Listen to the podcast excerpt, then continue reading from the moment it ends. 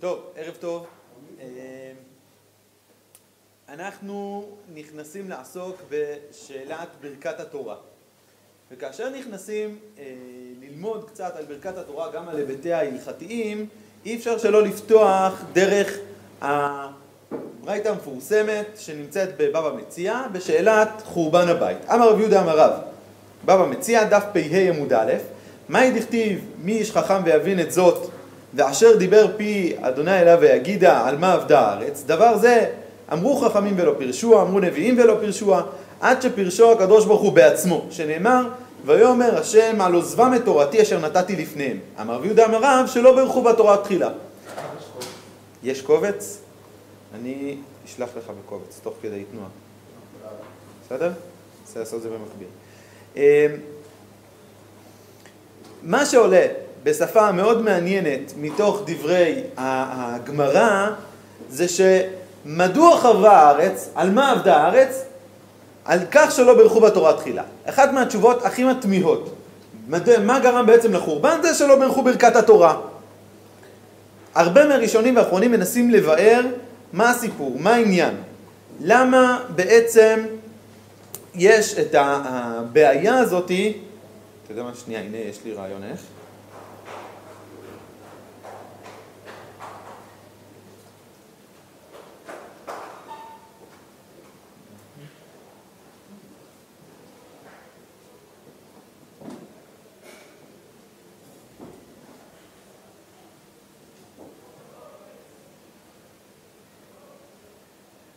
עכשיו יש לך קובץ. בסדר? סליחה. טוב, אז שוב נציין את זה, אומרת הגמרא בעצם שלמה חרב הבית? חרב הבית על זה שלא בירכו בתורה תחילה. עכשיו זה נורא נורא מעניין, מעלה כמה שאלות גם הלכתיות וגם מהותיות. מה סיפור ברכת התורה? ללמוד תורה אנחנו מבינים שזה העניין. אה, לעסוק בדברי תורה ולקיים את המצוות אנחנו מבינים שזה העיקר. אבל מה יש בעצם ברכת התורה שקודמת ללימוד שהיא כל כך מרכזית וחשובה? הרבה ראשונים ואחרונים ניסו לעסוק ולהבין מה, מה העניין הזה. למה המוקד שחרבה עליו הארץ זה על זה שלא ברכו בתורה תחילה. איך אנחנו באמת יכולים לבוא ולברר את הדברים. אני רוצה לגעת בכמה תשובות מאוד ספציפיות ודרכם גם להיכנס לשאלה ההלכתית. כי השאלה ההלכתית גם עומדת בעינה. שאלת ברכת התורה אה, בכלל האם היא ברכת דה רבנן, האם ברכה מדאורייתא, אנחנו יודעים לכאורה שברכה מדאורייתא יש רק ברכת המזון, מה זה אומר ביחס לברכות האחרות, שאר ברכות יקנו לנו חכמים, ולכן יש פה גם שאלה, שאלה ש, שהיא שאלה מהותית וגם שאלה שהיא שאלה הלכתית. אומר הר"ן שלא הייתה תורה חשובה בעיניהם כל כך שראוי יהיה לברך עליה, שלא היו עוסקים בה לשמה ומתוך כך היו מזלזלים בברכתה. הסבר של הר"ן זה לא הסיפור של הברכה תחילה, אלא זה הראה את כל היחס. זה מחזיר בכלל לשאלה של עולם הברכות. מה זה בעצם בעולם הברכות? למה אנחנו הולכים לברך? אנחנו מברכים מתוך מקום לבוא ולהתייחד, לבוא ולהתקדש, לבוא ולייצר איזושהי אמירה מכוונת לפעולה שאותה נעשה עוד מעט. וזה עיקרם של כלל הברכות, בעזרת השם בהמשך החורף אה, נעסוק בשאלת ברכות, יש מיני ברכות שונים, גם פה אנחנו קצת נראה אה, בשייכות לאיזה סוג של ברכה זאת, זה ברכת המצוות, זה ברכת השבח, איך מתייחסים לברכת התורה. אבל אומר הר"ן שבעצם היחס שלהם לברכה קצת האיר בנקודה מסוימת את היחס שלהם לתורה, ולכן הם לא בירכו משום הזלזול שבזה. הבח לא מקבל את ההסבר הזה ומציג הסבר אחר. ואיכא לתמוה טובה, למה יצא כזאת מלפניו להענישם בעונש גדול ורם כזה על, של, על שלא בירכו בתורה תחילה, שהוא לכאורה עבירה קלה? כולה לא ברכו ברכה אחת. על זה מחריבים את הארץ, על זה בעצם יש חורבן מקדש. מסביר הבח הסבר מאוד יפה ועמוק, ונראה דכוונתו יתברך מעולם הייתה שנהיה עסוקים בתורה כדי שתתעצם נשמתנו בעצמות, בעצמות ורוחניות, וקדושת מקור מוצא התורה. ולכן נתן הקדוש ברוך הוא תורת אמת לישראל במתנה שלא תשתכח מאיתנו כדי שתדבק נפשנו וגופנו ברמח איברים ושסה גידים ברמח מצוות עשה ושסה לא תעשה שבתורה. ואם היו עוסקים בתורה לכוונה הזאת, היו הם המרכבה והיכל לשכינתו יתברך. שהייתה השכינה ממש בקרבם, כי היכל השם המה ובקרבם ממש הייתה השכינה קובעת דירתה. ממשיך ואומר, אבל עתה שעברו חוק זה, שלא עסקו בתורה, כי אם לצורך הדברים הגשמיים להנאתם, לידע הדינים לצורך משא ומתן ולהתגאות להראות את חוכמתם. מה הכוונה בשלא ברכו בתורה תחילה? איך מסביר הבח? הברכה על התורה צריכה לבוא ולכוון את האדם לזה שאני קודם כל לומד תורה, למה? כדי להעצים את הנשמה, כדי לעלות, להיות מרכבה לשכינה, בלשונו של הבח. מה הייתה הטעות בזמנם? מה זה שלא ברכו בתורה תחילה? כל כוונתם הייתה להנאת עצמם, להנאת גופם, זה בלימוד התורה, להנאת שכלם, שהחוכמה והידע שלהם, ולכן כאשר התורה הייתה מכוונת למרחב הזה, ממילא החוסר ברכה שהייתה בתורה גרמה לחורבן המאוד גדול. אל מול התפיסה הרוחנית הזאת, שגם נחתום בה את השיעור, שצריך קצת לברר גם מה, מה מידת התיקון שאנחנו יכולים לעשות בעצם ברכת התורה, מלבד הלברך, ננסה עכשיו לעמול על השאלות ההלכתיות העולות מתוך הסוגיה הזאת. דבר ראשון, מה בכלל שאלת תוקף הברכה? ונגענו בנקודה הזאת, תוקף הברכה, גם מה המקור שלה, וגם האם אנחנו מתייחסים לברכה הזאת מדאורייתא או מדרבנן. אומרת הגמרא, מסכת ברכות דף כ"א עמוד א', אמר רב יהודה, מניין לברכת המזון לאחריה מן התורה, שנאמר ואכלת ושבעת וברכת. המקור הידוע לברכה מן התורה היא ברכת המזון. ומניין לברכת התורה לפניה מן התורה, שנאמר כי שם אדוני אקרא וגודל אלוהינו. יש פסוק מפורש שממנו לומדים שברכת התורה שאנחנו מברכים בבוקר היא הברכה היחידה למעט ברכת המזון שהיא ברכה מדאורייתא. אמר רבי יוחנן למדנו ברכת התורה לאחריה מן ברכת המזון מקל וחומר. ברכת המזון לפניה מן ברכת התורה מקל וחומר. ברכת התורה לאחריה מן ברכת המזון מקל וחומר. ומה מזון, ומה מזון שאין טעון לפניו טעון לאחריו. תורה שטעונה לפניה אינו דין שתהיה טעונה לאחריה. ברכת המזון לפניה מן ברכת התורה מקל וחומר. ומה תורה שאין טעונה לאחריה טעונה לפניה. מזון שהוא טעון לאחריה וכולי וכולי. באמת הגמרא נעצרת בטיובתא. תכף נראה שיש הסבר אולי נוסף למה אין ברכה בסוף לימוד התורה. אבל יוצא בעצם מנקודת המחלוקת פה הבדל בין ברכת המזון לברכת התורה, ברכת התורה היא לפני, ברכת המזון היא לאחר המזון. כן. הרב הוא רשם מניין ברכת תורה לפניה מן התורה, או, נהדר. זה בדיוק אה, מה שהמהרשע מנסה ללמוד והמהרשע עומד בפנינו, בסדר? אומר המהרשע, מניין לברכת, תורה, אה, לברכת התורה וכולי, מצאתי כתוב, דאחי משמע לברכת התורה, כי שם השם יקרא, דהיינו, כשאני קורא בתורה שהיא כולה שמות של הקדוש ברוך הוא, שכל התורה באותיותיה יש שמותיו של הקדוש ברוך הוא, כדאית במדרשות. אומר זה פשט פסוק, כי שם השם יקרא, הבו גודל אלוהינו. לפני שאתה קורא את שמותיו של הקדוש ברוך הוא, מה הם שמותיו של הקדוש ברוך הוא? התורה. המילים שבתורה. הבו גודל אלוהינו, תברך לפני. כך מסביר בעצם המהרשע. בסדר? הוא מפרש את הפסוק בצורה כזאת ש...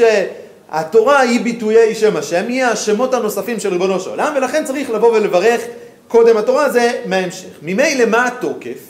מעניין, ואני אתחיל דווקא מהנעלם, לא הבאתי את הנעלם, אבל הנעלם הוא מאוד מאוד חשוב, ותכף נראה את ההתייחסות שלו. ברמב"ם לא מובא שיש צורך לבוא ולברך ברכת התורה.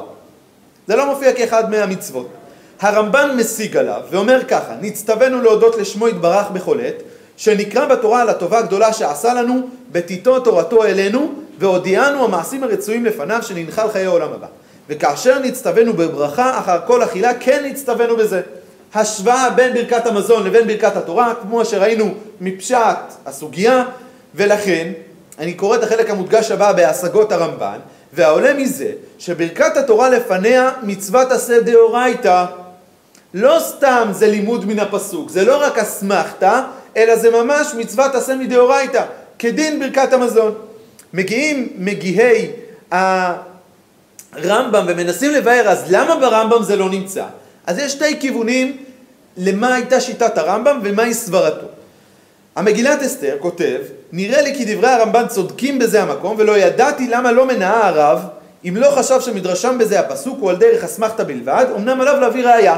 באמת המגילת אסתר מגיעה כאיזושהי תמיהה לרמב"ם, ונשאר בנקודת התמיהה. אומר, לאור מה שעולה מהרמב"ן, ופשט הדברים שבאמת ברכת התורה היא ברכה מדאורייתא, באמת מוזר איך הרמב"ם העלים את זה. יכול להיות שבסברת הרמב"ם, וזה הניסיון של מגילת אסתר להעלות, שהרמב"ם קורא את הפסוק הזה כאסמכתא, זה לא פסוק של לימוד מפורש מהתורה, אלא רק אסמכתא, ולכן אולי הברכה היא מדרבנן. הקריית ספר אומר משהו אחר. ברכת התורה לפניה מן התורה, שנאמר כי שם השם יקרב וגודל אלוהינו, ולרמב"ם ז"ל, שאינו מונה אותה מצווה בפני עצמה, נראה דהי בכלל מצוות תלמוד תורה, ולאח היא לא באה במניין, אבל היא מדאורייתא. הסבר אחר של הקריאת ספר ממש הולך לכיוון הרמב"ן, ומציג שהרמב"ם ודאי סבר שברכת התורה היא ברכה מדאורייתא, למה הוא לא מנע, למה הוא לא כתב אותה בצורה מפורשת, שזה אחד ממצוות העשה, כי היא כלולה בתוך ברכת, ברכת התורה. זה מה שמציע בעצם הקריאת ספר. יוצא שהרמב"ם עצמו לא כתב ביחס ישיר על עצם העניין, אבל אנחנו רואים באחרונים פה באמת מחלוקת האם הרמב"ם בזה שהוא לא כתב הוא סבר מדרבנן או שהוא סבר שהוא מדאורייתא. בשו"ת שקטרי בשתי תשובות מאוד מפורסמות וחשובות, סימן כ"ד וסימן כ"ה, הוא דן באריכות בשאלת הרמב"ם והרמב"ן, סברתו שם, כמו שעולה, שבאמת מדאורייתא, נראה את הדברים, נסתפק אדם אם ברך ברכת התורה או לא, אם חייב לחזור ולברך מספק, או דינו כשאר ברכות בדרבנן שאינו חוזר מספקה. השאלה שהוא מתמודד איתה, זה שאלה איך לשייך את ברכת התורה הזאת. האם ברכת התורה הזאת אני מייחס לה ברכה מדאורייתא או אני מייחס לה ברכה מדרבנן? נפקא מינה לאדם שלא ברך, או שהסתפק אם ברך, אם נהיה מדויקים יותר, אז ממילא מה הוא צריך לעשות? האם יש פה ספק דרבנן לכולה או ספק דאורייתא לחומרא? אם אתה ממקם את ברכת התורה מדאורייתא, ממילא אתה צריך לבוא ולחזור ולברך. מסקנתו של השק אריה, תשובת הרמב"ן, ושפה הוא מצטט את הרמב"ן, ואת דבריו הודיענו מעשיו הרצויים, סביר הלל הרב שמצוות עשה מן התורה לברך קודם לימוד תורה, אם כן ספקה לחומרא. וכך הוא כותב בתחילת הסימן הבא, סימן כ"ה, ואקטי דצריך לברך למאי דקיימנן דברכת התורה דאורייתא. מה שעושה השג אריה, לא הבאנו פה את אריכות דבריו, אבל הוא מעמיד באמת בדיון ארוך את דברי הרמב"ם, ומנסה להוכיח שגם לרמב"ם צריך להעמיד את זה שכנראה זה דין מדאורייתא. אם כן, אם נאסוף את דברינו עד עתה יוצא שברכת התורה היא ברכה מיוחדת. הברכה, הברכה מקבילה לה היא ברכת המזון. ברכת המזון אנחנו מכירים מהפסוק שמדאורייתא. יש פסוק מפורש שמלמד אותנו על כך שברכת אה, התורה היא לכאורה מדאורייתא. מתחדד פה באמת מחלוקת ראשונים ואחרונים, האם בעצם באמת היא דאורייתא או זה רק אסמכתא, הפסוק שמופיע בעת, בסוגיה עצמה. מתוך כך עולה שאלה מאוד מעניינת, וזה אה, קצת חוזר לשאלת הסוגיה. הסוגיה ניסתה להשוות בין ברכת המזון לבין ברכת התורה. אמרה ברכת התורה לפניה, ברכת המזון לאחריה, אולי יש ללמוד מזה על זה או מזה על זה. החינוך ועטרת צבי מביאים שתי סברות למה הברכה נעשית לפני הלימוד תורה ולא לאחריה. אומר ספר החינוך, העניין הזה שחייבנו האל ברכה ברכיית התורה לפניה, ברכת המזון לאחריו, מן הדומה שהטעם לפי שה, שהקדוש, אה, שהוא ברוך הוא, לא ישאל מן החומר לעבדו ולהודות בטובו רק אחרי שיקבל פרס ממנו. כי החלק הבהמי לא תכיר בטובה רק אחר ההרגש. אבל קריאת התורה שהוא חלק השכל, והשכל יודע ומכיר וקודם קבלת התועלת יבין אותו, על כן יחייבנו האל להודות לפניו קודם קריאת התורה. החלוקה של החינוך היא חלוקה בעצם במידה מסוימת באופי הברכות. ברכת המזון באה על הצד החומרי של האדם. האדם צריך קודם ליהנות ואז לבוא ולברך. ברכת התורה היא על עצם מה שהוא הולך לעסוק בו, ולכן הברכה, בגלל שהיא שכלית, היא הולכת על ממד השכל, ולכן היא צריכה לבוא לפני העיסוק בתורה, לפני מה שאנחנו הולכים ונכנסים אליו. העטרת צבי, מופיע פה בהערות ככה, מי הוא היה? היה תלמידו של הבח. ומה שאין מברכים ברכה אחרונה אחר לימוד תורה, מפני שהגיות התורה היא כל היום וכל הלילה, ואין שעה שאין חיוב לעסוק בה, על כן לא שייך לברך לאחריה. הסבר מאוד יפה, שמסביר בעצם את עצם חובת התורה. אדם שסיים לאכול, ממילא מברך, ובזה נגמר האוכל. אדם שסיים ללמוד תורה, אה, אין דבר כזה לסיים ללמוד תורה. אם אין משהו כזה של לסיים ללמוד תורה, לא שייך ברכה לאחריה. זה באמת ההסבר של עטרת צבי. אפשר דרך זה לדייק דיון שנעשה גם באחרונים בשאלה מאוד מעניינת, האם ברכת התורה היא ברכת השבח או ברכת המצוות. לאור דברי ספר החינוך היה נראה להגדיר אותה כברכת המצוות. אני הולך לעסוק במשהו, תברך שיש סמוך, עובר לעשייתה. לאור דברי עטרת צבי, ברגע שאנחנו מברכים על התורה ולכאורה אין לה קצב, אין לה זמן מסוים, היא ברכת השבח על עצם ברכת התורה, והאחרונים באמת מעריכים בכך איך לדון את ברכת התורה כשבח או ברכת המצוות. כן. למה אתה צבי יודע שאתה מברך כל בוקר מחדש? או. כאילו לא הנפקא מינה הדינית, שתכף נראה, מהו הגורם לברכה. האם הגורם לברכה זה הבוקר, לצורך העניין, או הגורם לברכה זה היסח הדעת של האדם. ולכן אם האדם ישן בצהריים, תכף נראה את הדיון הזה, הנפקמינה המאוד מפורסמת שאנחנו מכירים, בבוקרו של שבועות, נכון? שבועות בבוקר תמיד מחפשים אחד שיברך ברכת התורה. תכף ננסה לעמוד על למה. כן. לא. על ב- גם ברכת התורה וחלק מברכות השחר. ברכות מסוימות מתוך ברכות השחר. תכף נראה איזה דיון שנעסוק בו. בסדר? פוסק השולחן ערוך, וזה נורא אה, חשוב לשים לב לשפה של, הלשון, של השולחן ערוך, ברכת התורה צריך להיזהר בה מאוד. לשונו של השולחן ערוך לכאורה לא פסקנית, אבל מעוררת את האדם לזה שברכת התורה היא ברכה מאוד חשובה, מאוד מרכזית. זה מעלה לנו לראש שני דברים. דבר ראשון, באמת את ההיבט של זה שברכת התורה היא מדאורייתא. היבט נוסף זה באמת, מדוע חרבה הארץ? על כך שלא ברכו בתורה תחילה. זאת אומרת, יש פה איזשהו היבט מסוים, מהותי יותר, שגם עולה מתוך דברי השולחן ערוך, ודאי שהוא אומר להיזהר הרבה. מהו נוסח הברכה? אז הגמרא בדף י"א עמוד ב' במסכת ברכות מביאה את נוסח הברכה. מה היא מברך? אמר רב יהודה אמר שמואל אשר קידשנו אותה וציוונו לעסוק בדברי תורה. ורבי יוחנן מסיים בה, הכי, הערב נא השם אלוהינו דברי תורתך בפינו ופיות עמך בית ישראל, ונהיה אנחנו וצאצאינו וצאצאי עמך בית ישראל, כולנו יודעי שמך ועוסקי תורתך, ברוך אתה השם, המלמד תורה לעמו ישראל. ורב אמנונה אמר, אשר בחר בנו מכל העמים ונתן לנו את תורתו, ברוך אתה השם נותן לתורה. אמר רב אמנונה, זוהי המעולה שבברכות. אילקח למרמינו לכולו. מסקנת הגמרא, בואו לא נחלק בין שלושת הנוסחים, אלא ברכת התורה באמת כוללת את שלושת הברכות שעולות על פי דברי המוראים. גם ברכת העיסוק בתורה, גם ברכת וערב נא, וגם ברכת אשר נתן לנו. כן. כזה? או, עוד דקה נתייחס לזה, כי יש שאלה האם זה רצף בברכה או זה ברכה אחת שלמה. האם זה שלוש ברכות או ברכה אחת. אם זה ברכה אחת, אז יכול להיות. לצורך העניין, הברכה שאנחנו מכירים, עולה לי לראש כאיזושהי ברכה שקופצת, אה, הברכה של אה, נוסח רבי עקיבא מופיע על פי הגמרא, בפסח, על פי המשנה בפסחים, למה מברכים אה, על האפיקומן. בסדר, יש ברכה אשר גאלנו גאל את אבותינו וכולי וכולי, שנזכה לראות, לאכול מן, הפר... מן הזבחים ומן הפסחים, יש שם נוסח ברכה מאוד מאוד ארוך, שהוא כולל גם איזשהו יהי רצון. מה? לכאורה כן, ברכת המצוות אתה מברך ואז. בסדר? זה קיים.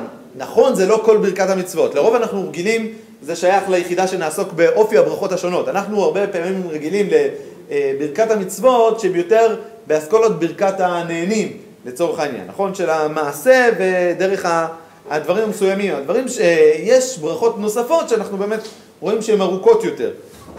אמנם לא הרבה אני מסכים, אבל באמת אה, זה מה שעולה. עכשיו, מתוך כך אנחנו רואים שהגמרא פוסקת ששלושת הברכות הן הברכות הנצרכות, וכך נפסק בשולחן ערוך, ברכות התורה אשר קידשנו קצת זמנו על דברי תורה, והערב נא ואשר בחר בנו. אומר המשנה ברורה, על דברי תורה, השולחן ערוך אומר על דברי תורה. מי שיסתכל בגמרא כתוב לעסוק בדברי תורה. באמת פוסק המשנה ברורה, ומנהג מדינתנו לומר לעסוק בדברי תורה.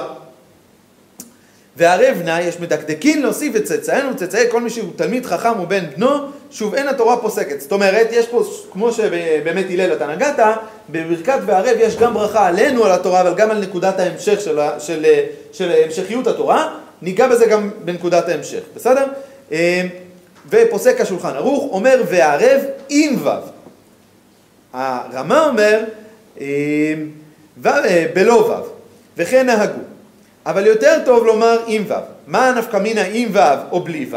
אומר המשנה ברורה ששאלה אם זה שלוש ברכות שסמוכות אחת לשנייה, או בעצם יש פה ברכה אחת. אפשר להגיד שהברכה השנייה היא ברכה שאין לה פתיחה. או, זה בדיוק מה שאומר המשנה ברורה. כאילו מחובר. נסמכת על הברכה הקודמת. ל- לאשר יצא.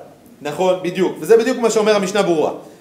דברכה אחת היא, דאילו הייתה ברכה בפני עצמה, הייתה פותחת בברוך. ואף על גב דסמכוה לחברתה היא, מכל מקום כיוון דברכות קצרות הן, הבה לי לפתוח בברוך. זה היה בעצם להגיד בדיוק את הסברה ההפוכה, תכף הוא גם יגיד על. מידי דהווה הברכות הבדלה שפותחות בברוך, אף על פי שהן סמוכות, כיוון שהן קצרות. ויש אומרים, סבירה לדשני ברכות הבדלה שאינן סמוכות, שאם רצה אומר על כל אחד בפני עצמו, ועל נר ובשמים. באמת פה הוו, שאלת הוו כן או לא, באמת שאלת נקודת האם יש פה חיבור בין הברכות או אין פה חיבור בין הברכות. ממשיך ואומר יותר טוב, כי בזה יצאנו לידי כל הדעות. אם אתה אומר עם ו', יצאנו לידי כל, כל הדעות. למה? אבל אם תאמר בלא ו', הערב נע ברכה בפני עצמה, ו' היא הפסק לאותה דעה שסבירה לברכה אחת היא, וכן נוהגים לומר היום וערב עם ו'. למה אנחנו באמת אומרים וערב עם ו'?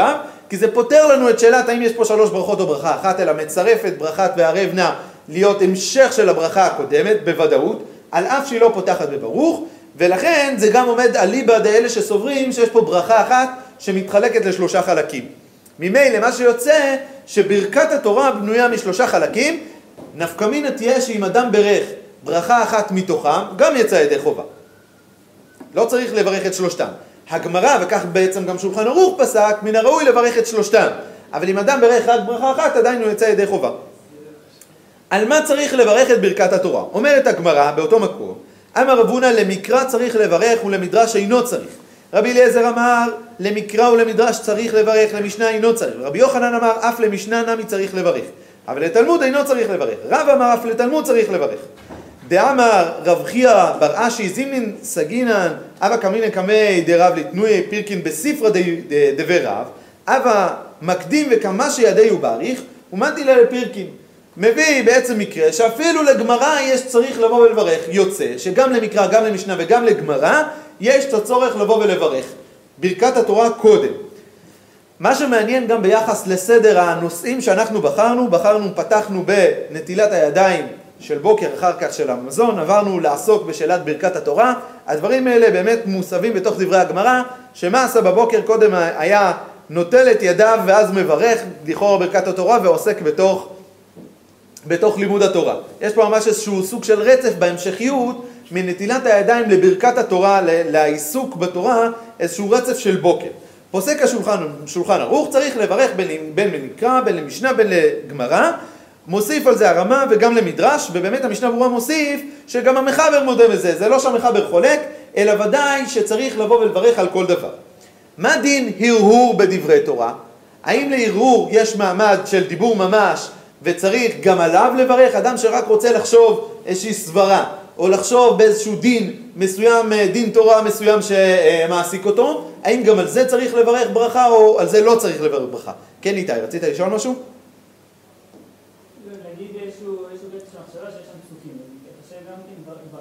נכון? כן. נכון, נכון. עכשיו, מה דין ערעור? אז הגמרא, כן, יש להם הפסק של מה? שבין הברכה ללימוד תורה? אה, זה עצם השאלה אם זה ברכת המצוות או ברכת השבח. אם זה ברכת השבח, ברכת, זה העניין, אתה מברך על עצם הלימוד תורה. אם זה ברכת המצוות, אתה חייב לסמוך לזה את מה שאנחנו נוהגים כדי לצאת ידי חובת כולם, מה שאנחנו אומרים אחרי זה כמה פסוקים של ברכת כהנים, נכון? אה, אז גם אתה, אתה בסדר גם, נכון? עכשיו, לא. לא, כי הערב, והערב היא ההמשך של אותה ברכה. היא הופכת את זה לברכה אחת שלמה. הרב, אם אם שכחתי, אם שכחתי אה, ברכת התורה בבוקר, כאילו באתי, כאילו קמתי, אז נעסוק בזה דרך שאלת העבר הבא, אדם שיוצא ידי חובת, אולי דרך קריאת שמע. בסדר? לא, כאילו? לכאורה כן. מי אמר שהיא שייכת רק לבוקר? שאלת הזמן עוד רגע ניגע בזה, בסדר? אתם מקדימים את זמנכם כל הזמן, מעולה.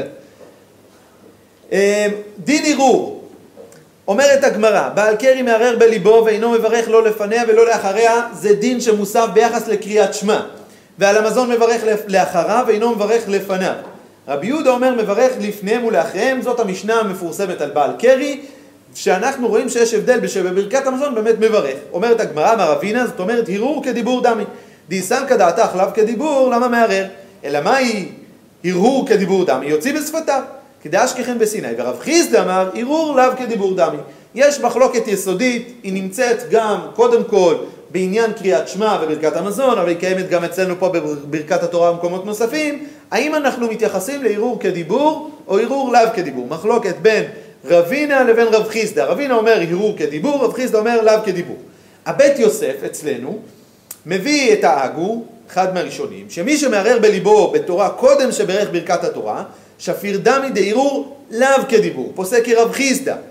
דמי לעניין ברכה כמו לעניין קריאת שמע ותפילה, וכן פסקו התוספות פרק מי שמתוד ההלכה כרב חיסדא, דירור עליו כדיבור דמי, וכן עניין בעל קרי מותר לערער. וכך בעצם אה, עולה מתוך זה שאדם שרק מהרהר בדברי תורה אין חובת ברכה. עוד רגע ניתן לשאלות, בסדר? נשלים שנייה את, את המערכה. הדר כמשה על אתר, הרמה, מאיר, רבי יונה בפירוש הלכות הריף, ואין לקמן כתבתי די לפסוק דין בלא נטילתם לד... לד... לדיבור הווי כערעור. הדר כמו שבאמת מביא איזושהי נקודה של מחלוקת שיש בשם רבנו יונה שכן ערעור כדיבור ולכן גם על ערעור צריך לברך ברכת התורה, זה מה שעולה. השולחן ערוך פוסק, המערער בדברי תורה אינו צריך לברך. וזה מה שבעצם עולה מתוך דברי השולחן ערוך. אממה, מוסיף הרמה די יכול לפסוק דין בלא נתינתם לדבריו, והוא, אה, והוא הדין שבעצם מה אומר? שאם האדם באמת מהרהר, הוא יכול לפסוק דין, אנחנו מדברים פה על דין תורה, בלי נתינת טעם לדבריו. הרי לתת טעם לדבריו זה לתת סברות בתוך הגמרות, בתוך המשנה, בתוך המקרא. אבל אם הוא בעצם פוסק דין, אומר משהו שהוא נגזרת של הרהור בתורה, הרהור בלימוד תורה, הוא יכול גם בלי ברכת, אה, ברכת התורה קודם. מאידך, מביא המשנה ברורה את הגר"א, הגר"א בביאורו חולק על זה, וסביר על ידי לא גרע מהקורא, מקרא בלבד צריך לברך, ואפילו בערעור לבד מחמיר, שלא לערער כל זמן שלא בערך ברכת התורה. הגר"א לא מקבל את ההנחה הזאת שערעור לאו כדיבור, ואומר הרהור כדיבור, ולכן גם הרהור בדברי תורה מצריך לפניו ברכת התורה. אם נאסוף את הדברים, יש מחלוקת בין רבינה לרב חיסדא, האם ערעור כדיבור הוא ערעור לאו כדיבור, נראה מהבית יוסף וכך נפסק בשולחן ערוך, ערעור לאו כדיבור, ולכן לא צריך ברכת התורה לפני ערעור. המשנה ברורה מביא את הגר"א שאומר שערעור הוא כן כדיבור, ולכן כן צריך לברך אפילו לפני ערעור אה, בדברי תורה. כן, כבר נבוא. כן, בכבוד. אה, דבר ראשון, מה זה סיני שרשום בגמרא? כמו שמצינו שצריך להוציא בשפתיו. מה? שנלמד מסיני שצריך ממש להגיד את זה. אה, ודבר שני, נראה לי שההלכה, כאילו, למסקנה נראה לי גם לפי המשנה ברורה, שערעור לא נחשב כדיבור, כי אח- אחרת היה אומר כאילו ש... שככה נראה לי, או משהו, כאילו היה אומר ש- שהוא... אני מסכים שהמשנה ברורה מודה לשולחן ערוך, אבל הבאתי אותו בשביל להביא את הגר"א. הוא הביא את הגר"א שהגר"א חולק על זה מהיסוד. כן, יאיר. אתה בעצם מוצא מצב כזה, כאילו, אתה מברך כשאתה קם בבוקר, וכל יום כל אתה אמור לעבוד בזה, כאילו, אתה צריך מצב כזה, מה- למה שאתה לא עושה לבד? א', דבר ראשון, אם אדם עכשיו יש תפילה בשמונה, יתעורר בשבע. בסדר? לא בערך ברכת התורה. יוצא כזאת סיטואציה. מה? אז יכול לבוא לברך. דבר שני, וזה שייך לשאלת הזמן, אנחנו ממש עוד כותרת וחצי נגיע לשם, בסדר? אה, לשאלת האם ברכת התורה שייכת רק לבוקר, או ברכת התורה שייכת לכל זמן הפסק. אם אני משייך את ברכת התורה לכל קימה שלי אה, משינה בצהריים, אז יוצא שאני צריך לברך ברכת התורה הרבה, יותר, הרבה יותר פעמים ביום. לא. תכף נראה. בסדר? זה, ת, עוד דקה.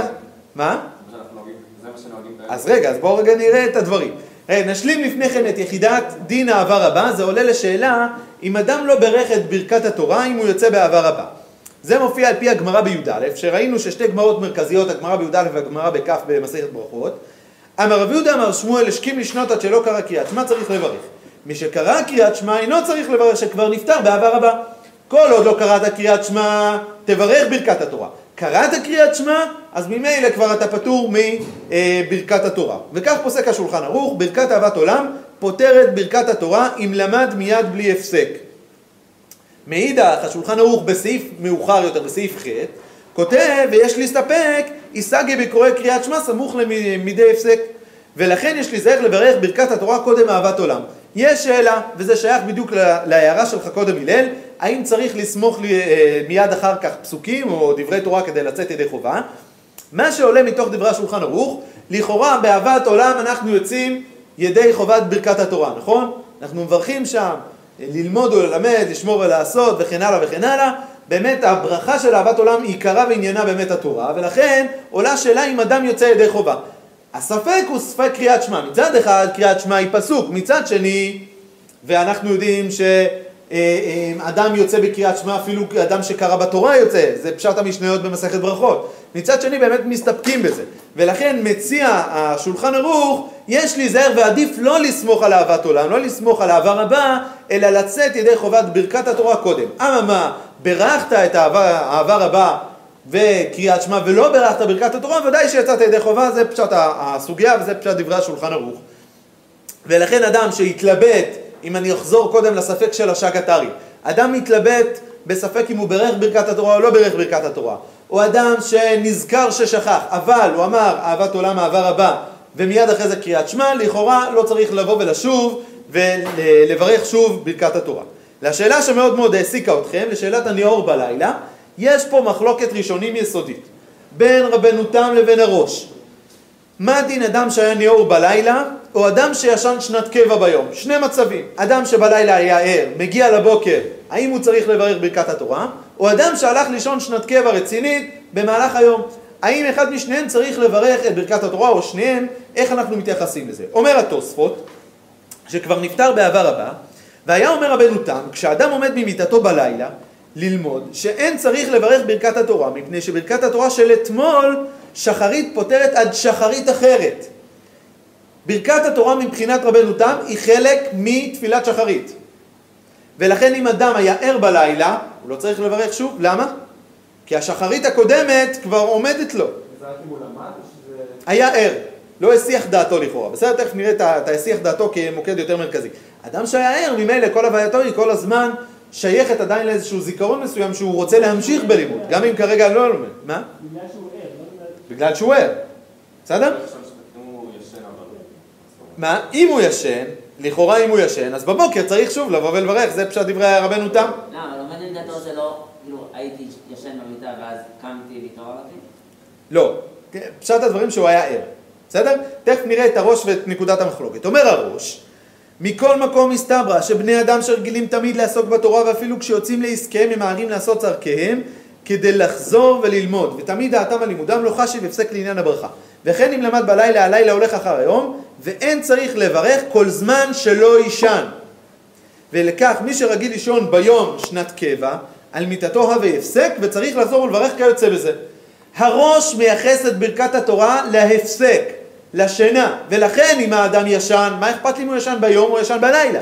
כאשר היה הפסק, הוא חייב לברך שוב ברכת התורה. זה חוזר לשאלות שהעליתם קודם, איפה עוד יש לו ברכת התורה, אם הוא צריך אולי לחזור לבוא ולברך, על פי פשט דברי הראש, ודאי, כל פעם שהיה הפסק.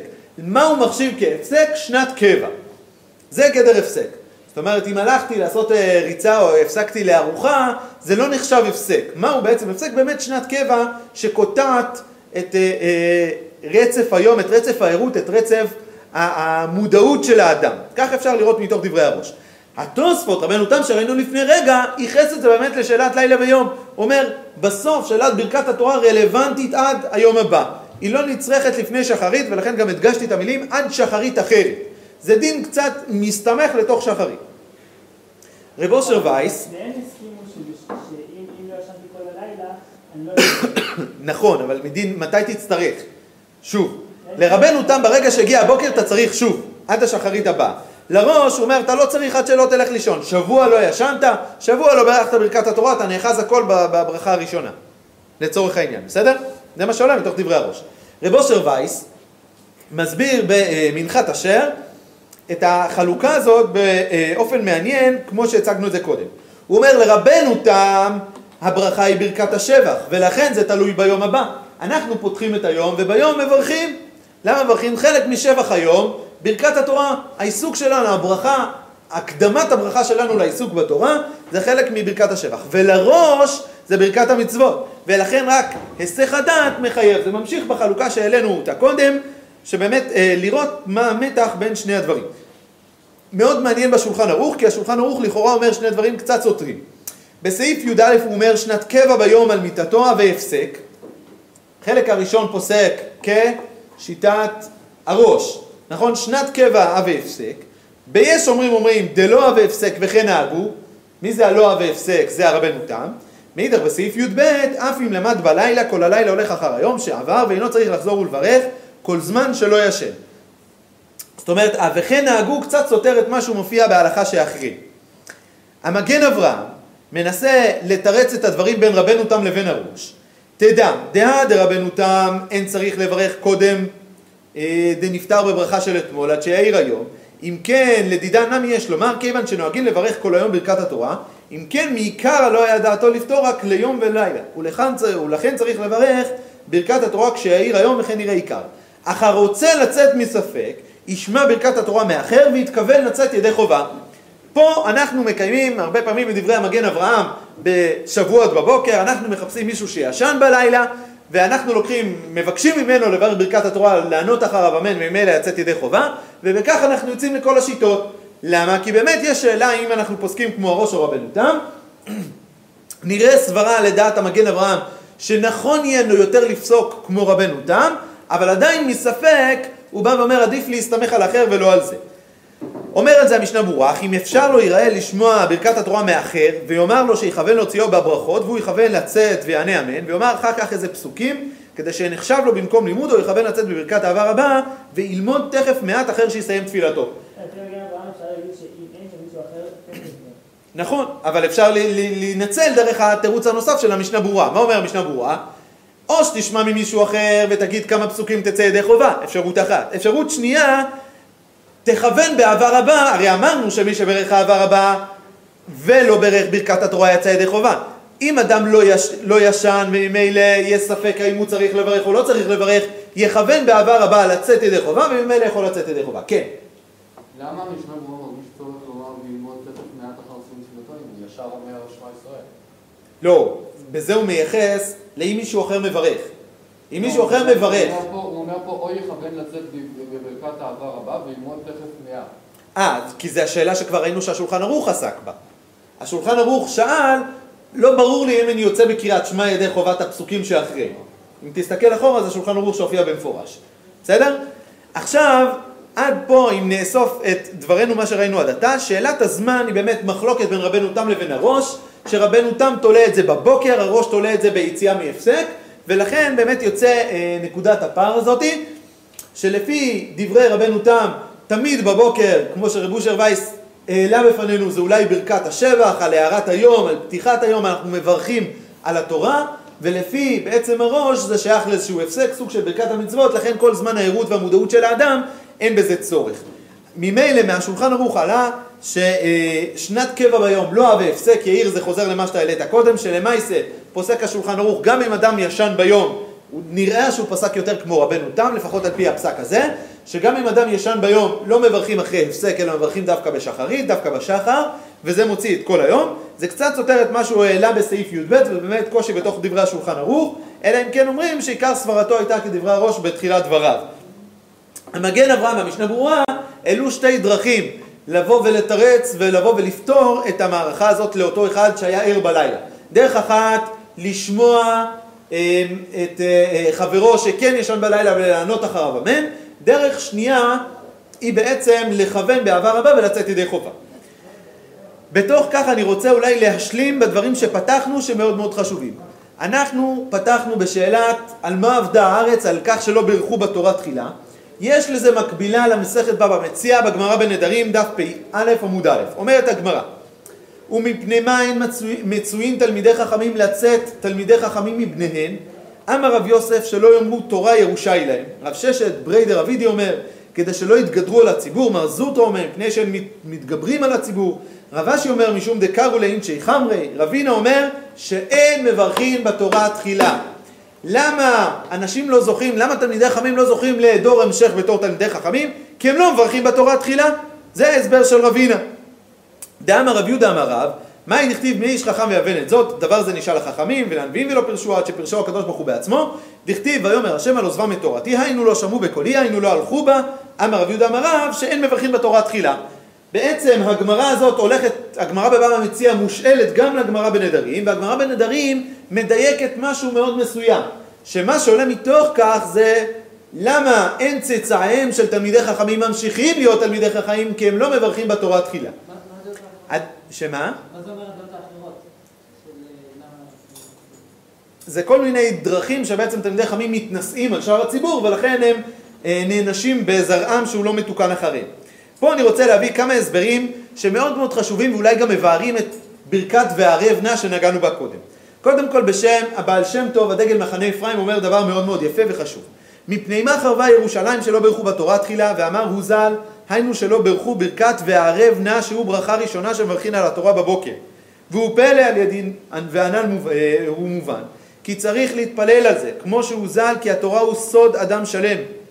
ויש בה מים מתוקים ומים מרים, וצריך להתפלל ולבקש זה מאת השם, שיטעום בתורתו המים המתוקים והערבים, וזהו ברכת וערב נא. והבאנו ממש סוד הפדיון. יש פה תורה מאוד עמוקה של בעל שם טוב, שברכת וערב נא היא מכוונת על איך דברי התורה יהיו ערבים לנו. ולכן שאלת וערב נא היא שאלת גם איך נחווה את התורה, בעומק שלה. ובאמת הפתיחה הזאת שעולה מתוך דברי הבעל שם טוב היא פתיחה מאוד מאוד חשובה לעצם ברכות התורה כי אנחנו יכולים להתייחס לזה רק בשאלת ברכת השבח ברכת המצוות הבעל שם טוב פותח אותנו לאיזשהו ממד נוסף שצריך להיות שהדברי תורה צריכים להיות ערבים ומתוקים בפי. רב אושר וייץ מוסיף על זה, מלבד שתי הברכות מברכים ברכה אמצעית וערבנה, והיא ברכה שנזכה לטעום מדבש, מצוף דבשה של התורה ולהתענג מנועם זיווה, מעין ברכת הנהנים על ערבות התורה ומתיקותה. יש ברכה, ברכת והערבנה, יש בה פן ייחודי. שהפן הייחודי הזה הוא באמת ברכת הנהנים. השאלה אם אתה יכול גם ליהנות מן התורה. ולמה אנחנו צריכים את ברכת והערבנה? ברכת והערבנה היא במידה מסוימת גורמת לנו ליהנות מהתורה ולא רק להשאיר את התורה כי אולי ברכת המצוות או ברכת השבח שזה בהתפעלות או על עצם המצווה שאנחנו הולכים לעשות או להתפעלות האלוקית בעצם נתינת התורה ובעצם העיסוק שלנו בתורה. אני רוצה להקדים את המשנה ברורה, כי המשנה ברורה שגם אה, מתאר קודם, אומר ואשר בחר בנו ותמיד תהיה תפילת האב והאם שגורה בפיהם להתפלל על בניהם שיהיו לומדי תורה וצדיקים ובעלי מידות טובות ויכוון מאוד בברכת אהבה רבה ברכת התורה בשעה שאומרים ונהיה אנחנו וצאצאינו וכן והובא לציון למה לא ניגע לריק ולא ללדת לבעלה. מבחינת המשנה ברורה ברכת וערב נא היא ברכה לנקודת ההמשכיות של התורה ולכן לא רק בשאלה של אני כמברך ואני כאדם שהולך לעסוק בתורה אלא כאני שמצווה גם על דור ההמשך שהולך לעסוק בתורה. אני רוצה לעלות דרך זה, לפני שאני אעלה איזשהו חידוש שאני חושב שאפשר לראות אה, ב"וערב נא", שהיחס גם של הפוסקים וגם, כמו שראינו של הבעל שם טוב או של רב וייס, ליחס לברכת וערב נא, יש בה כדי לתקן את הפגם של על מה עבדה הארץ. אנחנו ראינו שעל מה עבדה הארץ, על כך שלא ברכו בתורה תחילה, ועל כך למה בניהם של תלמידי חכמים אינם תלמידי חכמים מפני שלא ברכו בתורה תחילה. ברכת וערב נא יכול להיות היא נקודת הפתרון העמוק לשאלת אובדן הארץ שמשתקף בין אם זה על, זה על ידי החורבן באופן ממשי ובין על ידי חוסר המשכיות התורה באופן פיזי. איך בעצם זה בא לידי ביטוי? כי ברכת וערב נא היא מוציאה את התורה כאיזושהי חוכמה, כיחס לחוכמה, ופותחת את זה שהתורה היא יחס שיש לנו לבוא וליהנות ממנה, לבוא ובאמת שתמתק לנו בעצם בעשייתנו, וודאי שעל ידי כך נמשיך ונבוא ונעסוק בתורה. אם נחזור לדברי הבח בתחילת הדברים, אדם שהתורה מתוקה לו, וממילא ברכתו היא על המשכיות התורה, הוא חווה את התורה באמת מהמקום של העלאת הנשמה ולא רק מהצרכים הגשמיים, ההנאה הפרטית והשכלית של האדם. אני רוצה להוציא, להוסיף איזשהי אה, פירוש נוסף לערב נא, שלעניות דעתי הוא גם, גם נכון, גם צריך לצרף אותו, אפשר להתבונן על ערב נא מלשון ערבות. ואולי ברכת וערב נא היא לא רק מלשון הערב כטעים לחך, אלא ערב מזה שיש לנו אחריות עליה. ויכול להיות שברכת וערב נא שנמצאת בתווך כברכה אמצעית או כלב ליבה, אם אנחנו מסתכלים על זה כברכה אחת של ברכת התורה, היא כך שאנחנו מוכנים לקחת, מוכנים, מעוניינים ורוצים לקחת על אחריות על התורה על ידי זה שנעמול ונעסוק בתורה. ולכן מלבד הערבות כטעם טעים, כמשהו נעים לחך, יש אולי ערבות בפן הזה של אחריות על התורה, שבכך אנחנו מכוונים בברכת וערב נא. לעניות דעתי צריך לכוון את שני החלקים, שניהם, ובכך יש את התיקון המלא לעל מה עבדה הארץ. שיהיה טוב.